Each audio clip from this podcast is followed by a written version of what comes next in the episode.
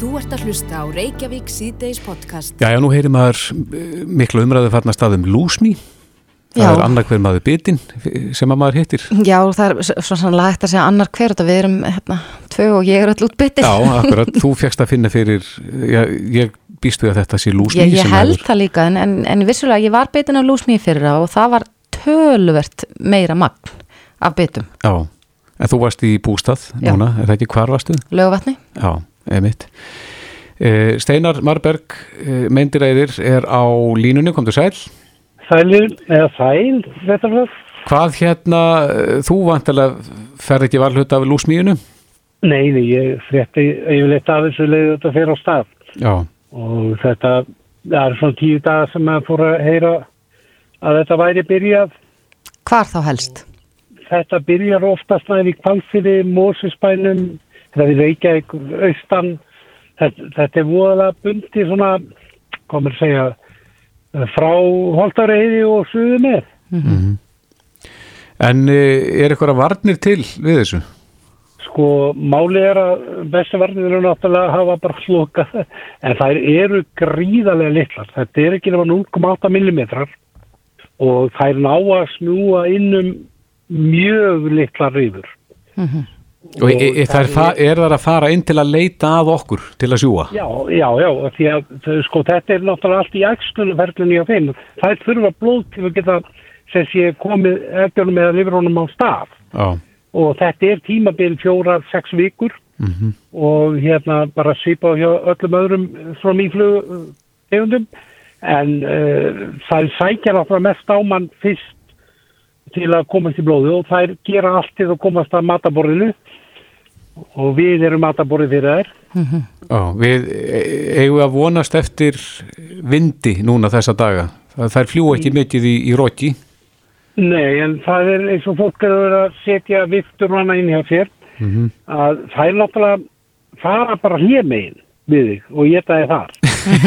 Þannig að þú veist það, það, það, er, það, það þurfa bara að komast í blóð komast í næringu og þeim er alveg saman hvernig að fara að því og alls konar trygg sem maður er búin að heyra og ég er að sjá nánast daglega menn að senda myndir á hrossaflugum þetta er lúsmi og, og ég var bitið svona og maður sér bara að þetta er, er flóabit þannig að veist, það er allt bara skellt á lúsmíð Já. en það getur verið svo margt margt annað sem að er, að, er að býta okkur En þessar hefðbundum bara mýflugur.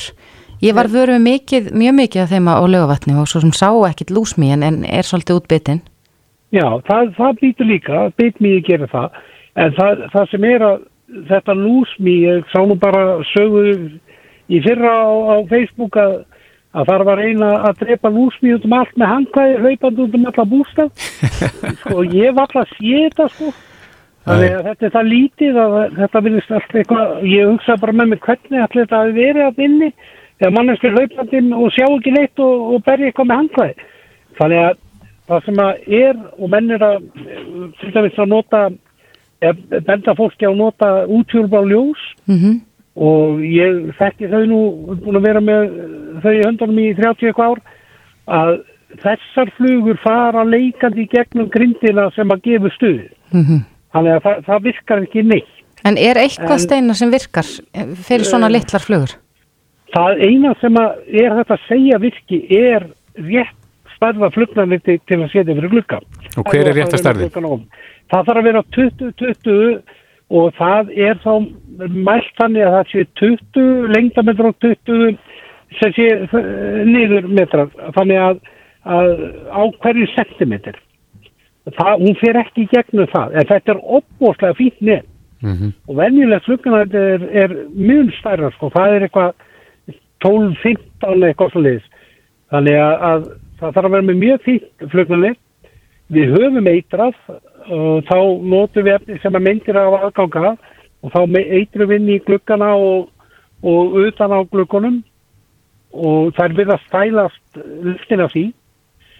En uh, svona flugnaljós á þessum tíma að uh, það er eiginlega ekki að virka. Það er svo bjart úti að þeir eru að þetta er á 364-365 nanometrum þetta ljós og það er bara svipa og byrtan úti núna Já, þannig að þú ert að keppa við bara venjulegt uh, solaljós eða fluglegs og það er ekkert sem segir að flugan fari frekar í flugnalappan akkurat á þessum ástíma sko. Nei, akkurat.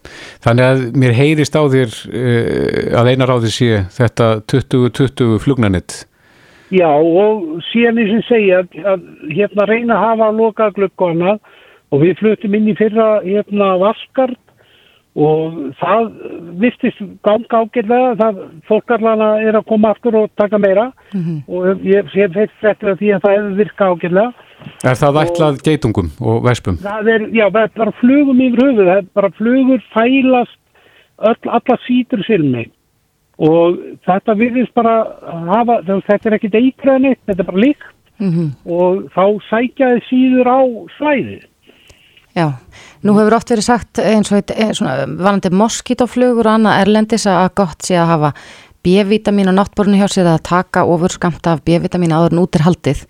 Er, er eitthvað til í því varandi lúsmið? Ég, ég hef ekki séð einhverja rannsóknir um það og mm. ég svona er þannig ég vil sjá svona á pappir að, að það sé búið að rannsaka en, en málið er að það virðist ekki, það er eitthvað við okkur sem að fluga sækir í. Ég verð mjög lítið bitinn, mm. kannski er hún ónæmur eða þekkja mig og vita hvað verður um þær, en síðan er, er kannski fólk nefnir sem er alveg útbyttið og þetta, þetta viðist vera annarkort blóðið, uh, lykt á okkur, eitthvað sem að fluga sækir frekar í. Sko. Já, svetin kannski. Já, ég veit að bara, ég var að tala við hjón bara síðast í morgun sem að koma til mín og, og hann var allir útbyttinn en hún var ekki byttinn mm. og það er svo samrúmi þannig að þú veist þetta er eh, eitthvað hluti sem við getum ekki kannski skýrst úr hann sefur alveg snær klukkanum gæti verið, gæti verið en, en, en hérna þetta þetta flýgur um þannig að hún er ekki alveg skilt að flója hana en síturusilmurinn hann virkar vel segiru já flugum. hann hefur gert, gert það og, og það er alveg allt þekkt út um allan heim og ég sagði nú vikur fyrir að meðal annars að þegar voru að setja sítrunni í kórunu bjórin hérna áður fyrr Já. að ég held alltaf að þetta var til að bæta bræði en þegar ég var úti, hitti menn út í Mexiko á, á hérna rástefnu þá sagðum við það að það var til að fæla fluguna frá, frá bjórnum þannig að veist, þetta er eldgamalt uh, ráð. Við þurfum kannski að stjalli okkur einni sítrún og við höfum út í sólina. Já, hver veit að það duð ekki? En alltaf er engin held ég, þetta er bara hluti sem við verðum að lifa við og ég er nú búin að fara í, verið í þessu yfir 30 ár og maður er búin að sjá eitt og eitt nýtt sem er að koma. Já. og Íslandikar eru rosalega svona fættir eins og þegar geitugöðin komið fyrst og uh, þá, þá mátti engi sjá geitugöður heilu blokkir bara tæmdar eða sá skeitingufrökan mm -hmm. nú í dag er það ekki tiltökum ál og þetta er bara hluti af, af þessari flóru sem við erum að fá inn Þetta er það kvimleitt á þessu tíma sem þetta stendur. Já, við erum að læra að lifa með þessu. Við verum að læra að lifa með þessu og, og hérna, ger ekki kannski ómikið og, og hérna, ef að fólk er ítla bitið þá er hægt að fá í apotekum, við minna heit Exilikein, það er hérna svona hálfgeir staðdýring í hús, þannig að kláðin minkar og það er kannski það sem að fólk er aðalega að berjast við, það er kláðin. Já, Steinar Marberg Eilsson, myndir eðir, kæra þakki fyrir þetta. Er bara að gera sér, takk fyrir. Bless, bless. Já, bless. Þú ert að hlusta á Reykjavík C-Days podcast. Reykjavík C-Days heldur áfram.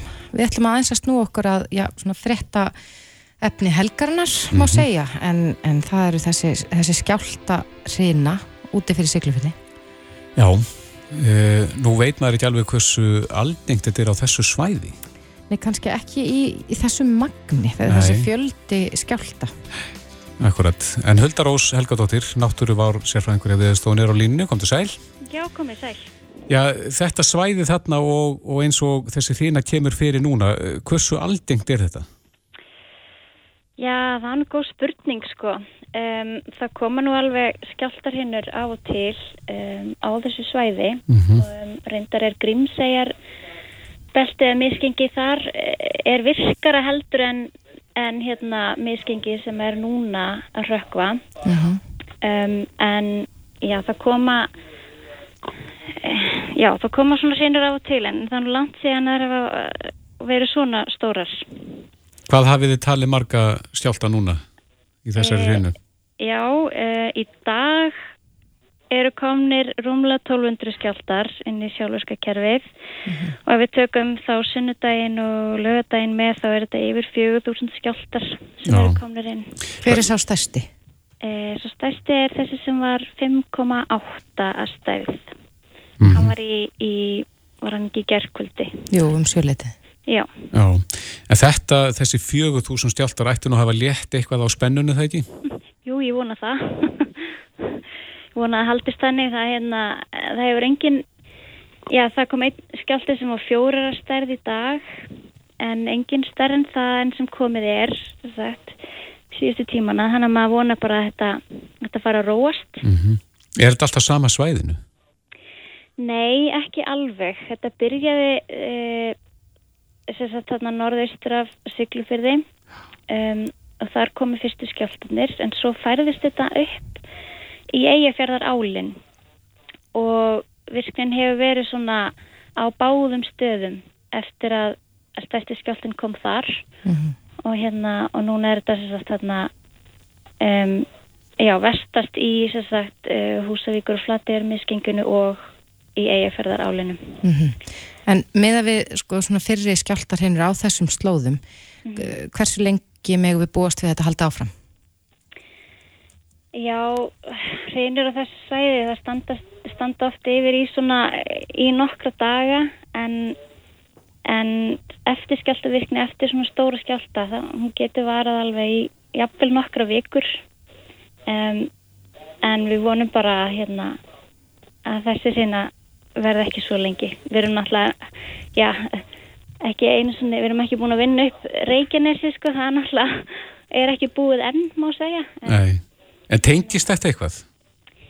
eh, nei, þannig óriðlegt að, að þessu tvær sínur tengist. En já, það er bara hefni eða óhefni, eða ég veit ekki, það er bara tjóliljun að svona stóra sínur komi svona nálægt í tíma. Já. Nó Þetta- vinni fyrir okkur allavega. Já, það neitt. Það er nóg að telja. Já, heldur betur. En e, eitthvað tjón sem að þið vitið um? Af völdum stjáltana? ekkert stórvægilegt sko. Ég, ég heyrði af einhverjum svona innanstokksmunum sem að brotnuðu Mm um, en annað hef ég ekki ég hef ekki heyrt af neinu öðru en svo er náttúrulega þarf að hafa varan á á þessu svæði líka varandi grjótrun og þess að þetta svona afleitar hættur af skjáltanum sjálfum Já. Er, stafar ykkur í byggð hætta af grjóturunni? um, ekki svo ég viti uh, skriðuvaktin hérna á veðstofunni hún flög, uh, einstaklingur á vaktinni flög hérna yfir og það var engin, engin sjáanlega merki um einhverja svona stóra sprungur eða, eða þess þáttar fyrir ofan byggð Mm og hérna en já, það væri það helst bara grjótrun úr, úr þessum brott, bröttu fjöllum sem eru þarna. Já, en hafið þið fengið tilkynningar um að þessi skjáltar finnist já, víða á landinu? Já, uh, eins og stærsti skjáltinn, hann var 5,8 og hann fannst hérna á höfuborgarsæðinu til dæmis. En hann fannst alveg hérna, já, söðu fyrir og, og, og Akranessi og viðar. Já. En svona meða við uh, línuréttin hjá okkur núna, er, er þetta fjara út eða, eða er þetta bara stöðugt ennþá? Mér langar að segja þetta sé að fjara út en eh, já, með þessu komni 1200 skjáltar í dag þá er það kannski ekki alveg raunhægt að segja það. Nei. en hérna, en ég held að þetta er allavega virðist vera svona aðeins að róast með mm -hmm. að ekki komnir svona stóru skjáltar þannig sem komið er aftur þannig að við vonum að það haldist þannig En teljið þið að við ættum að búast við öðrum skjálta af, af þessari stærð, þessi sem var stærstur? það er ekki hægt að útiloka það þannig að um, ég myndi ekki segja að vera er eftir að segja hvort það sé líklegt eða ólíklegt en, en fólk má alveg hafa það í huga það Já. er ekki hægt að útiloka það Náttúran er greinlega mjög óútreiknanleg já, hún getur verið það hm. og þið eru með, með ekstra vakt hjá ykkur svona til þess að fylgjast með.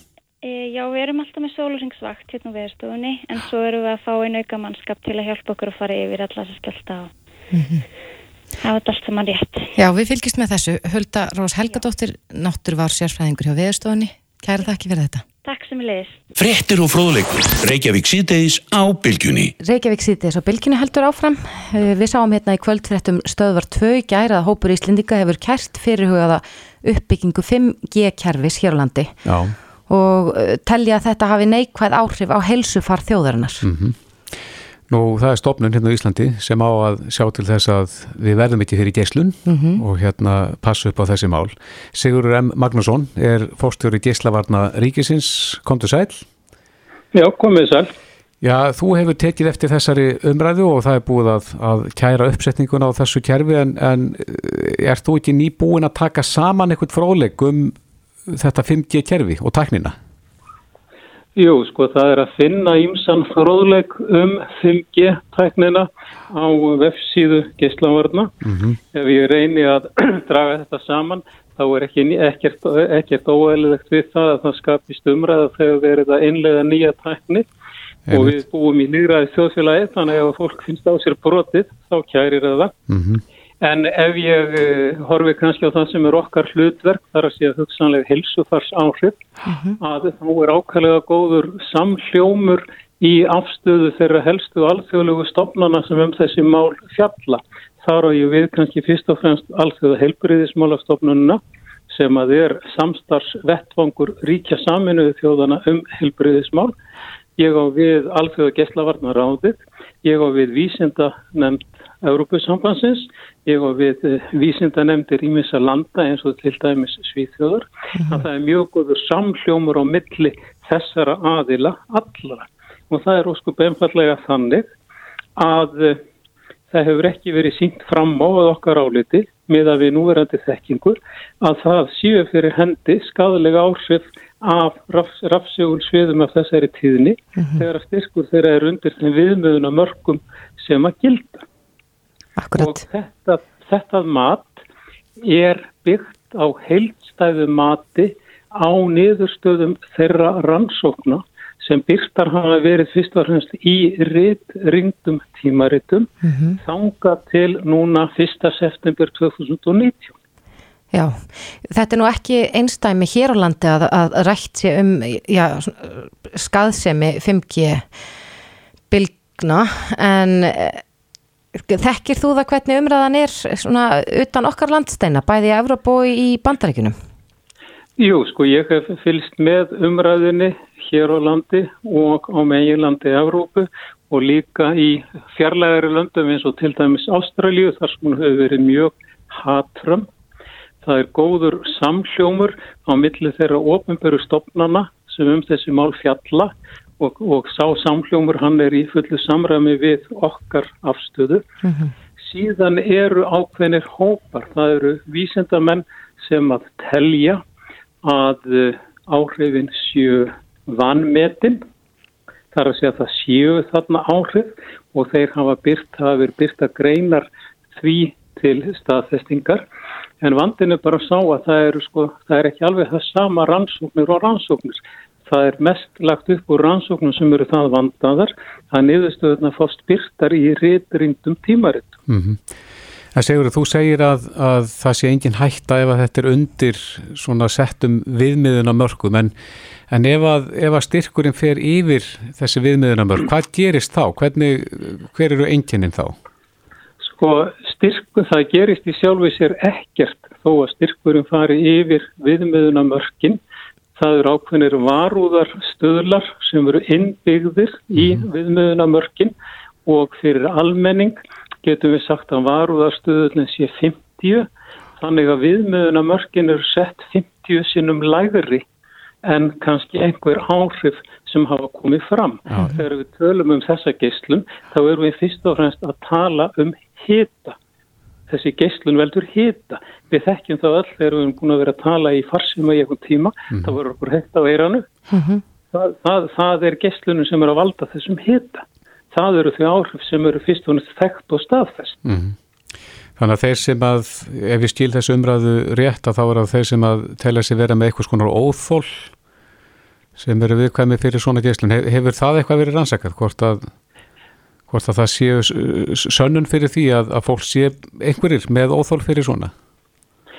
Sko það, það er vel þekkt að ákveðin hópur fólks telur sig finna fyrir rafsegul sviði. Það er ekkert nýtt, mm -hmm. það er ekkert sem að kemur fram með 5G. Svo umræða hefur verið í nokkur ár og það drefur enginn í efa að þessu fólki líður illa.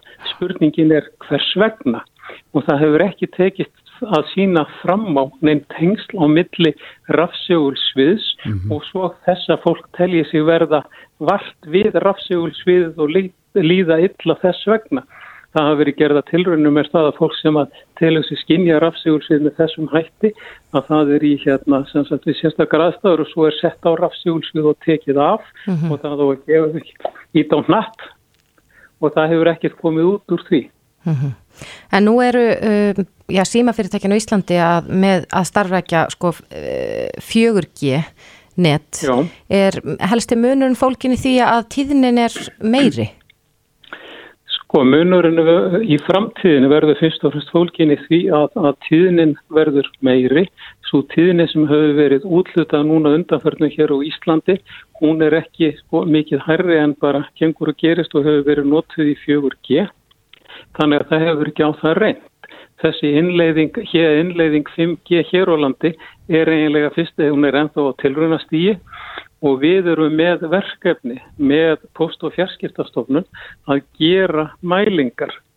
Við gerum mælingar sem sagt reglubundið og það er niðurstöðu þeirra verða byrtar á, á heimasíðunni hjá okkur og það er engin ástæða til þess að ætla að sá styrkur sem að við komum til með að mæla hér sé eitthvað meiri en svo styrkur sem hefur verið mældur erlendis og það sem hefur verið að mæla erlendis það eru ofta einhver brotur prósenti af viðmiðunamörkunum eða kannski nokkur prósent af þeim. Já, mannst þú Sigurður eftir því þegar að eh, fyrir ekki, mannst þú eftir því Sigurður þegar að eh, það var verið að innliða hérna fjóra G, var sama umræða uppi þá? Það hefur verið umræða um hugsanleg skadaleg helsefars áhrif þeirra, hérna, þeirra geyslunar sem er notuð við farsíma alveg eins langt tilbaka eins og ég mann eftir. Já. Það er búið að, að, að, að hérna, stunda rannsóknir á hugsanlegum áhrifum í marga ára tvíi og það hefur ekki komið fram neitt sem bendir til þess eða segir okkur að það séum að ræða skadalega áhrif uh mhm. -huh. þegar að styrkverðin er undir þessum viðmiðunamörkum uh mhm. -huh. og eftir því sem að árin líða og eftir því sem eru flerri rannsóknir að þá minga líkurnar á því að það uppvetist eitthvað stórfælt sem mannum hefur yfirsjast. Uh mhm. -huh. En nú eru, já, ég hef nú heyrst af mörgum sem að, að segja þeir sofi alls ekki með, með símtækja á náttborðinu og annað slikt vegna mögulegra geyslunar frá símtækjunum. Er einhver ástæði til þess að hafa áhugir af slíku? E, Miða við þá þekkingu sem við, við höfum í dag, þá er ekki ástæði til þess að hafa áhugir af slíku. Nei. Sigurður M. Magnússon, forstjóri Geislavarnar Ríkisins, kæra þakki fyrir þetta. Já, takk fyrir kærlega. Hlustaðu hvena sem er á Reykjavík C-Days podcast. Reykjavík C-Days á bylginu heldur áfram. Jón Steinar Gunnlóksson, lögmaður, skrifaði hérna greini í morgumblaðið síðastleginn fastu dag mm -hmm. þar sem hann segir að, að er umröðu gaggrins þann sið sem er á Íslandi að prestar séu fengnir til þess að flytja minningorarð uh, í útförum. Já, þeir sem hafa farið í jarðafærir, þeir, þeir þekkja þetta. Já. Þar er, er þessi hugljúfa stund í í jarðaförni þegar það færi svona yfir æfistið þess látna. Mm -hmm. Og þetta er í raun og veru með þeim hætti að, að prestar hitta ástvinni, nána ástvinni mm -hmm. þess látna fyrir jarðaföruna og, og, og svo skrifar presturinn já, svona upp úr þeim punktum og þessum endurminningum eh, ástvinna. Já. En hann vill í raun og veru að, að þetta sé gert þannig að einn eða fleiri ástvinnir, ættingjar eða vinir jafnvel mm -hmm. haldi smá tölu Já. í útfyrinni. Þannig að svona minningagreinin í rauninni þá lifnar við í kirkjunni. Mm -hmm. e, hvað allir prestar segir við þessum? Við, á línun er Davíð Þór Jónsson, soknaprestur í lögunastyrtjum. Sæl? Sælverið. Já, hvernig leggst þetta í, í prestin sjálfan að, að færa þetta, þetta verk í rauninni í hendur þeirra sem ætta, ættingja og vinna?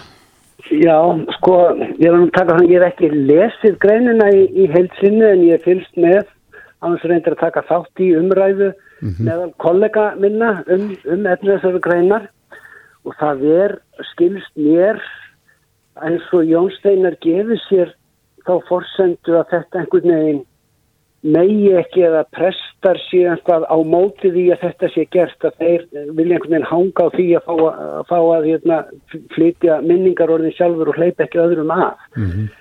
það, það er ekki þannig og prestar leggja nú yfirleitt upp með það sko að útförin á að þjóna huggun aðstandenda.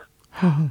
það, er, það er tilgangur aðtapnarinn og, og hún á ekki að þjóna prestunum eða, eða ekoi hans eða, eða kirkjunni eða, eða einhverju dogmatík hennar sko.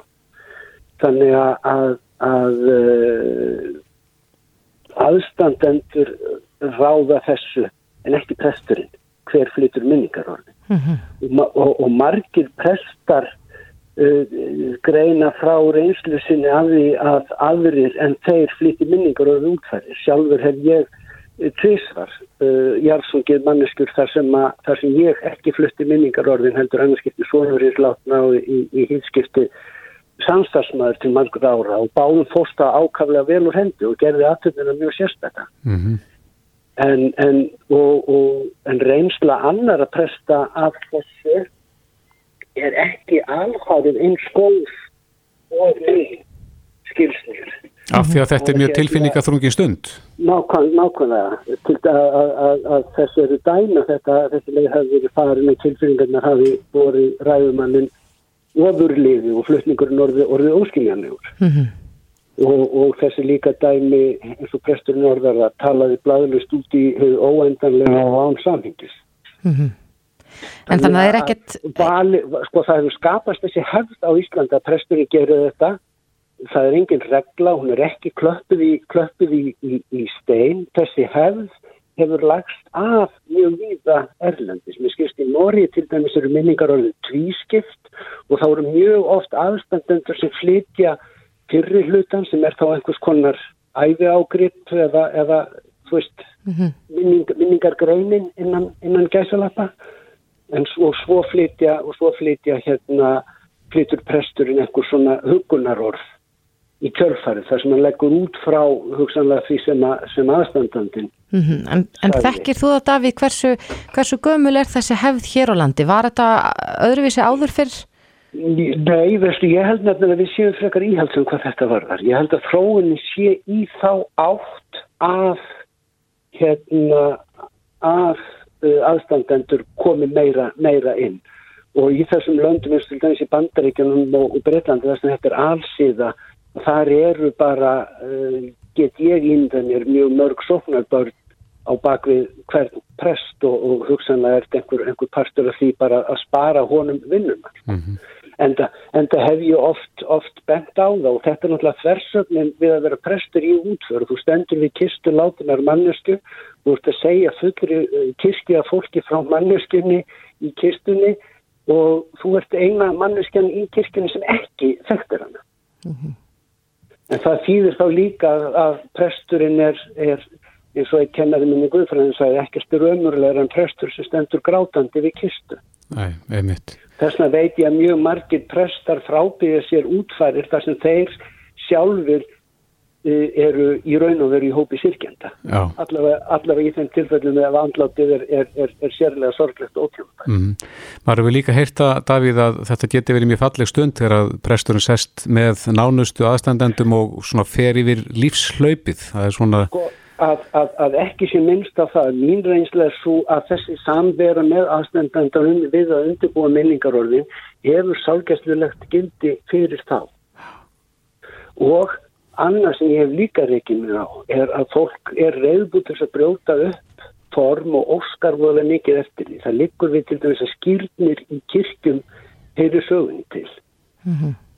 Ég segi ekki að það heyri sögunni til en mikill meiruluti allavega í minni, minni hérna, mínustarfi er mikill meiruluti skýrna komin út úr kirkjuhúsinu. Er í heimahúsum eða í sölum þar sem eru skýrnar vestlur og annars. Já, já.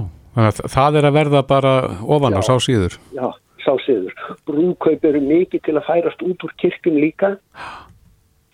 Ekki eins mikið. En þegar kemur að útför, þá reykir ég mig á það að þá verður fólk mjög íhaldsamt. Já.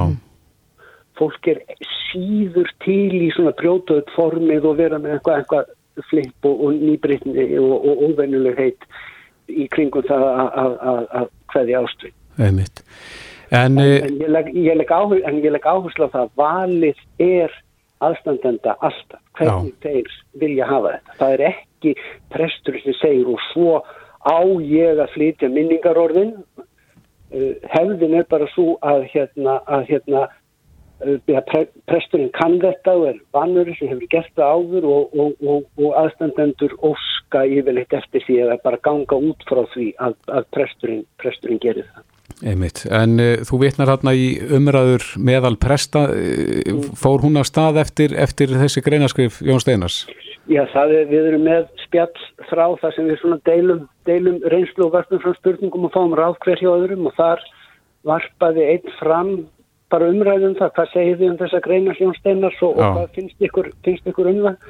Sko, kostur við að presturinn flyti, flyti minningarorðin er, sá náttúrulega hann er ég hann ekki að segja bara professionar minningar orða flytjandi mm -hmm. það, er, það er minni líkur á því einmitt að þetta verði einhvað samhengislaust út í, út í bláin og við verðum bara að horfast í auðvitað við það líka að fólki er mjög mislægið mm -hmm.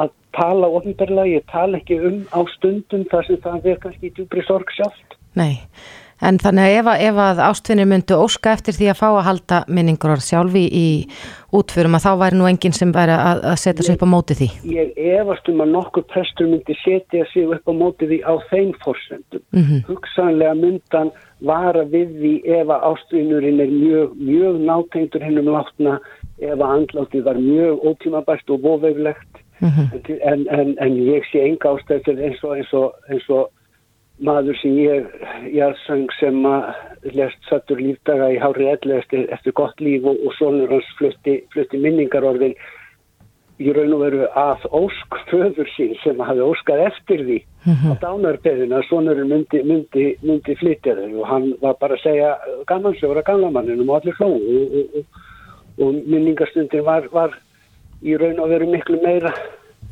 gleði yfir góðu lífi sem var að lifa heldur en ja, hún var allavega yfirsterkari sorgin yfir því að, að það væri búið. Já. Já, Davíð Þór Jónsson, prestur í Löganes kirkju. Kæra þakki fyrir þetta. Það var ekkert. Reykjavík síðdeis á bylginni. Það er frétt inn á vísir.is sem að segja að því að Vilhelmur Bjarnason var að þingma sjálfstæðisflokksins vil að reistur verði minnisvarði á djúbavogi um Hans Jónatan sem var fyrsti blokkumari sem settist á Íslandi. Mm Og þetta er skemmtileg saga? Já, þetta er skemmtileg saga en, en Vilhelmur hefur lagt fram þingsáltunum tilögu mm -hmm. og, og hann segir að þetta eigi að vera sko fyrst og fremst ákall um það frelsi sem er göfust allra mannréttinda og má aldrei gleymast þótt móti blási í erfiðum heimi. Nei mitt. En það var skrifið bók um þennan merka mann, uh, Hans Jónatan. Já og þessi bók sko ber heitið Hans Jónatan, maðurinn sem stál sjálfum sér. Já, þetta er alveg frábært títill. En maðurinn sem að skrifaði bókina Já, er á línunni. það er Gísli Pálsson, professor í Háskóli Íslands við mannfræði, kontur sæl. Komiði sæl og blessuð. Kanski til að byrja með, já, sömu leiðis. Hvernig líst þér á þessa hugmynd að, að það veri restu minnisverði um Hans Jónatan? Mér finnst þetta frábær hugmynd og kannski í ljósi þess sem er að gerast í umheiminum í mm -hmm. Danmörku, Breitlandi, í Bandaríkjónum og, og viðar er verið að minnast uh, þræla halds, þræla verslunar og, og, og hérna Black Lives Matter reyfingin á, á fullu og, og þetta fer ekki fram hjá neinum og hérna böndin berast ánættalega að hans Jónatan mm -hmm. sem að tók sér frelsi og og uh, flúði til Íslands. Já, getur þú sagt okkur stuttumáli svona hver saga hans er? Já, hann er fættur á uh, danskri nýlendu og St. Croix í Karibahavi uh, 1784 og móður hans var uh, svört ambátt og vegna þess að hún var í ánöð þá var hann sjálfkrafa þræll mm -hmm. og eigandi ambáttarinnar átti alltaf afkvæmin og uh, hann elst upp í Eh, vegna þess að mammans var eh, húsfræll þá var hann í svolítið óvanleiri stöðu, hann var ekki meðal þræla sem voru á, úti á vekurunni sem voru kannski við byggu erfiðar í kjör. Mhm. og uh, þannig hann hafði svona var nálægt heimili Simmermann hjónana sem að áttu hann. Og það skýrir svona hluta til sérstakar stöðans, hann, hann lærði ímislegt uh, uh, tungumál og sjálfsagt að rekna og fleira, mm. flinkur strákur. Hann hefur verið í svona óvanlegri stöðu og líka kannski það að, að fadir hans var augljóslega kvítur, hann var kallaður múlatti sem að var svona rasíska orðið sem var notað í skýslum á þessum tíma það er ekki ennþá vita fyllilega hver pappin var en hann hefur sennilega verið danni hann, hann er í svona e, svolítið sérstakri stöðu fyrir það að vera inn á gabli hjá hjá þræla höldrunum og, og vera hálf kvítur Hvernig kemur það til síðan að hann ákveður að stinga af til Íslands? Hann, eh, móður hans fer með, með eigundunum til Kaupmannahafnar þegar hann er eh, þryggja ára eða svo. Og það var nú svolítið flókið að reykja þessa sögu alla en, en eh, hann, það er ljóst að hann var skilin eftir og af einhverjum ástæðum. Hugsanlega höfðu Simmermann hjónin einfallega ætta sér að skreppa til Danmörkur en þurfti eftir sem áður einhverju þjóna. Og það er svona óvissa í þræla heiminum og kannski ætluðu sér að koma aftur þegar hlutinni voru svona ljósari. Mm en uh, svo af einhverjum ástæðum er, er, er hann sendur til Kaupmannahafnar uh, fjórum árum eftir að móðurinn er farin og verður þá hluti af heimili sem er mann hjónana sem er svona fínt aristokratist heimili í hjarta Kaupmannahafnar og þar er hann í tíu ár elst upp þar og, og, og læri rýmislegt í, í, í Kaupmannahafn og, og uh, það eru kennarar og á vegum þrælahaldarana en uh, svo hugsaði hann sér til reyfings, hann hefur sennilega lesið Rousseau og svona veit hvað er að gerast í heiminum að menn er að berjast fyrir frelsi hér og þar og, og uh, nota tækifæri þegar ljóst er að, að breytar og danir er að, að fara að heia orustu, að kallaða orustanum Kaupmannahöfn 1801, frægur bardagi og flóðugur og og uh, hann skráði sig í herinn og, og, uh, og verður uh, svona rómaður fyrir framgöngu sína. Stríðsetja stríðsetja og eiginlega og, uh, og er þá að vonast til þess að hann uh, bara losni undan uh, klekkjónum Já, uh, og uh, skip, skipherran á, á skipinu sem hann var á gefur honum gott orð og, og krónprinsinn uh, lýsi því yfir í frægu brefi hann eiginlega eigi þessi maður að vera frjáls. En eigandin uh, formlegi Henrietta Simmelmann maður hennar var þá látin hún uh, fer með málið fyrir domstóla í Kaupmannahafn og úr því verður eitt af frægust málum í danskri uh, dómasögu á sem þessum að hún vinnur og Já, hún vinnur það og, og hérna sem betur fyrir eru þessi dómskjölin til og varveitt og það var svona eitt af því sem að knúði mig áfram í að skrifa æfisöguna. En þegar ljóst er að, að hann á eftir að dúsa í fangilsi eða í, á heimili uh, frú Simmelmann þá ákveður hann að láta sig hverfa. Mhm. Það, dómskerfið er þannig að hann er sem sagt frjáls á meðan málið er í meðferð hann er ekki í steininum þá en sem sagt uh, frú Simmelmann hafði sem sagt heimil domstólsins til þess að domsins til þess að handtaka hann og, og þess vegna selja hann á Jónfrú Reyja sem hún hefur sennilega hugsað sér Mhm. en uh, þá notar hann tækifærið og stríku til Íslands. Já, en er eitthvað vitað af hverju Ísland? Svona Ísland var Nei. fyrir valinu? Nei, það er ekki vitað um að það er bara svona get gátur, hug- hugsalega hafði hann heyrt eitthvað af Íslandi þarna í, í kringu sig á knæpum í Kaupmannhöfn þar sem hann hafði tök á að vera einhverja dag og nætur. En uh, uh, sennilega hefur hann notið tengsla við eitthvað fólk í, í sjóhernum sem að uh, þekkti til mm -hmm. eða sambönd í, í Vestlunaflota og, og menn á komanum um borð og kannski var hann bara sama hvert hann færi ef hann er því frjáls. Já, en nú eins og hefur verið sagt að þá er hann fyrsti, fyrsti blökkumöðurinn sem sest að hér á landi. Um, þekkjur það hvort að hann hafi já, þurft að líða fyrir húðlitsin hér á landi? Já, það er svo merkileg saga að það eh, finnst engin eh, vittnesburður um það að hann hafi þurft að líða fyrir það að vera um, dökkur á hörund. Um, og hann fer ekki dullt með nafnið, hann, hann stendur keikur og, og kallar sig áfram hans Jónatan. Mm -hmm. en það hefði kannski leiði beint við að fela, fara dullt með það hvernig hann væri.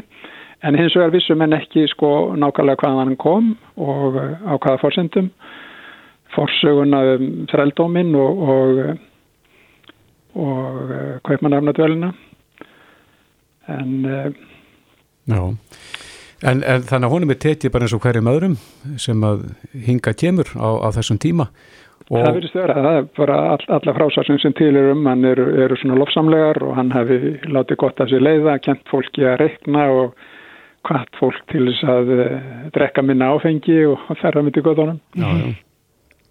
Það er sagt hérna í þessari fréttin af vísi um, um þessa þingsvarlektuna til og Víðans Bjarnarssonar að, að hann hegi um þúsund afkomendur á, á Íslandi. Já, það er minnstakostið þúsund. Já. Það vil svo til að, að Íslensk erðagreining hefur haldið svolítið utanum slíka hluti þeir, þeir uh, gerðu frægar ansókn og voru að gera tilhund til þess að ákvarða hvaðan móðir hans Jónatans hefði komið út frá erðaefni afkomendana sem að eru náttúrulega í gagna böngum mm -hmm. ímsum rannsóknum íslenska veðvegreiningar og þá hérna, já þeir gáttu rakið uh, þrengt kringin í, mm -hmm. í Vestarafríku Já og, og, og þeir hafa svona yfirlítið yfir það í sínum gaggrænfrönum hverja nákvæmlega eru af honum komnir vegna þess að það er ekki e, e, vitaðum erðaefni annara afrískra eða blokkumann af afrísk, afrískum ættum í, í íslenska e, menginu, svo má segja, erðamenginu Einmitt. Þannig að þetta er, þetta er svolítið falleg saga frelsi saga Hún er það og, og svona sýnir það að rasismi og kynntaftahattur og það allt saman er ekki náttúrulega mál. Við þurfum ekki þó fólk séu öðruvísi á lítin en við sjálf þá, þá er ekkert í erðamengi sem að okkar sem segir að við skulum fyrirlíta að hata þá sem að líta pínlítið öðruvísi. Einmitt. Það virðist vera að menn hafi alltaf tekið eftir hörunslítan, það er ekki minnst á það. Nei, akkurat. Það er bara eins og hann væri sko úr næstu sveit, Já. aðeins öðruvísi en sveitungarmanns. Já. Og það er að lesa þetta í bókinni, er hún ekki ennþá fáanleg? Jú, jú, ábyggilega, maðurinn sem stál sjálfur sér og já, hún er til á ennsku líka sem já, er farið við það og, og dönsku og fransku. Já, akkurat. Þannig að það er orðið svona, svona kult í kringum hann. Já, þetta er allavega mjög áhugaverð saga en Gísli Pálsson, professor í mannfræði, kæra þakki fyrir þetta. Takk sem leiðis. Reykjavík síðdeis á Bilginni podcast. Jæja, Reykjavík síðdeis á Bilginni það eru margir sem að eru svolítið spenntir fyrir eh, lestasamgöngum á Íslandi. Já, þegar maður hugsaður út í það, þá er eiginlega alveg ótrúlegt að hér séu engar lestir. Nei, lestar. Lestar, akkurat. Lestar. En eh, já, við heyrðum í Jóni Gnar hérna fyrir einhverju mánuðum síðan og hann vildi ganga svo langt að fara bara með lestasamgöngur út á landsbyðina, mm -hmm. það er frá Reykjavík, en, en við veitum að það hefur verið verkefni í gangi Eh, sem að snýra því að koma á lestar samgöngum milli höfuborgarsvæðisins og Keflavíkur mhm. Keflavíkur hlugvallar. Nú, eh, Raunólur Ákursson eh, er yfir því verkefni og hann er á línunni, kom til sæl. Hel og fæl. Hver er staðan akkurat núna varandi þetta? Þetta er svolítið komið í umræðin aftur núna, nú hefur Helga Vala Helgadóttir Þingmaður verið að viðra þetta og, og hún Sigurborg í borginni. Já, við fögnum að sjálfsögðu allir umræðu um þessar samgöngubætur sem eru að við höldum löngutíma bærar. Mm -hmm. Það hefur verið unnið af verk, þessu verkefni líklega en undanfæðin enn síu ár. Verkefni hefur verið stopp svona síðasta árið út af breyttum aðstæðum á snertir ferðamannamarkað og svo þetta COVID og, og síðan uh, hefur verkefnin ekki raunverulega fengið brautargengi hjá eina af þeim sveitafjörlum sem að fyrir hugur lestalegi leikur um, eða hafnafjörður. Já, þannig að hafna, er hafnafjörður síðasta púslið í, í það púsl? Já, það má segja það. Forsenda þess að það fara inn á næsta stig sem er, er, er, er skipulagsmálinn ákvarða mögulega og endanlega á lestar línu gána stæði, stöðvar og þetta, þetta er þetta bara mál sem er að vinna í góðu samstöru við sveitafélagin mm -hmm. og það er komið samstarfs yfirlýsingur um að læsa á öllum sveitafélagunum sem er hlutega, það er að segja Reykjavík, Kópavogi, Garðabæn Vogum, Suðunisabæg og Reykjanesbæn, mm -hmm. nema hafnafjörður sem hefur strandað á og, og við á sjálfsögðu þurfum að fá hafnafjörð til samstarfs til þess að verði hægt að halda áfram með verkefnið. Já, þannig að, að til þess að þetta komist á næsta steg þá býðið eftir já, að, að hafna fyrir stökk á lestina en segðu mér ef að af þessu verður hvað er við að tala um svona í tímaspartnaði hversu lengi er þið lest á leiðinni frá segjum bara, já eins og BSI og að kepla ykkur fljóðli Það fer auðvitað eftir fjölda stoppistöðu sem framvegis en það getur verið ekstra bilunum svona 20 til 30 mindur mm -hmm. Sem er gríðalegu spartnaður sem er mikið spartnaður, já mm -hmm. En e, það sem hefur kannski verið nefnt, nefnt einna helst gegn svona framkvæmt er, er kostnaðurinn uh, það hefur verið mjög dýrt að, að setja upp svona lestarkerfi og svo náttúrulega veðráttan líka en uh, hefur eitthvað breyst í, í varandi kostnaðaliðin? Sko í sambandi við veðráttuna þá náttúrulega eru lestir reknar víða við miklu erfiðari viðfarsafstöður en hér Já. Bæði hvers mestir snjóalög og, og frostorkur Þannig að það er engin afsökun? Nei, ég sjálf ekki. Uh, kostnaðurinn, hann er vissulega hár uh, en uh, verkefnið miða við að svona 30% erlendra ferðamanna sem koma hinga til lands í svona hefðbundna árferðin noti lestina og að það sé svona hóflegu vöxtur í ferðamennsku í gegnum okkur en tíma, þá er verkefnið arbært. Mm -hmm. Ef við hugsaum svona aðeins fram í tíman ef að það af þessu verður og ef að, að hafnafjörðabær verður með í þessu hvenar munum við sjá lestin að fara á milli? Uh, verkefni næsta fasa er þá að fjármagna mjög umfómsmiklar jarðfræðiransóknir uh, skipulásmál, mat á umhverfisáhrifum og svona forhönnun þetta er verk sem kostar svona umþöppil 1,5 miljard sem það fóða að fjármagna í, í næsta fasa og síðan aftur og tekur svona cirka þrjú ár og síðan tæki framkvæmdi sjálf svona 4-5 ár. Já, akkurat. Ef að Hafnarfjörður vil ekki vera með, er, er þá bara dæmi dögt? Já, samstarfið sveitafélagun er eins og ég nefndi á hann forsend og þess að verkefni haldi áfram og getur það veruleika. Það er ekkert að fara fram í Hafnarfjörði? Nei, það er ekki hægt. Nei, akkurat. Þannig að, þannig að það er nöðsulegt og lífsnöðsulegt fyrir verkefnið að þeir verði með? Já, og líka bara hagur held í hafnfjörðing og, og borgarbú og, og landsinsals. Já, akkurat. En heldakostnaði við verkið?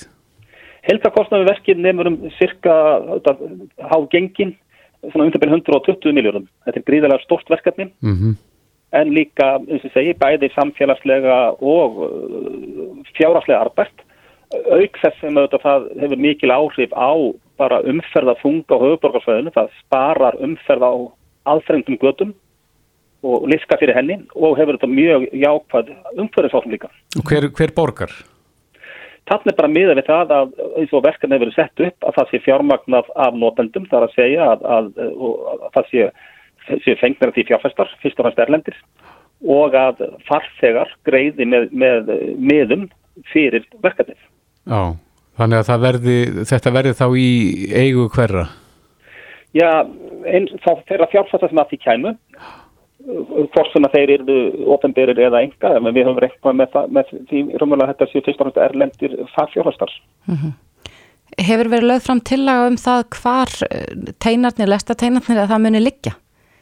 Já, það hefur verið auðvitað unnið mjög, mjög ítali í þessu verkefni, bæði verkfræðilega, kostnæðilega og aðru fættir mm -hmm. og menn er að tala um einbreyða lest frá Keflavík af Hafnafjörði og síðan ymsar útferðslu þar sem eru mögulegar uh, það væri auðvitað hægt að tengja þetta, þessa lest við borgarlínu kerfi þar uh, það er hægt að taka eins og hugmyndin var upptalið að taka í göngum ramulega frá Hafnarfjörnur og BSI uh, það verður líka hægt að hugsa sér millistöðu eða endastöðu í Smáralind Og það eru þetta ýmsir útfærslu, ýmsar útfærslu leiðir sem að hafa þetta bæði áhrif á kostnað og tekjur. Já, akkurat. En svarið, þið býðið svars frá Hafnafyrði, við hérna skulum reyna að kalla eftir því. Það verður frólægt að sjá hvar, hérna, hvar málið er start þar. Við höfum fulla trú á því að hafnfyrringar eins og önnur sveitafjörlög uh, séu til í að koma með okkur í þessa mikilvægur samgöngabót. Já, Runólfur Ákusson. Kæra þakki fyrir þetta. Takk fyrir þess. Þetta er Reykjavík C-Days podcast.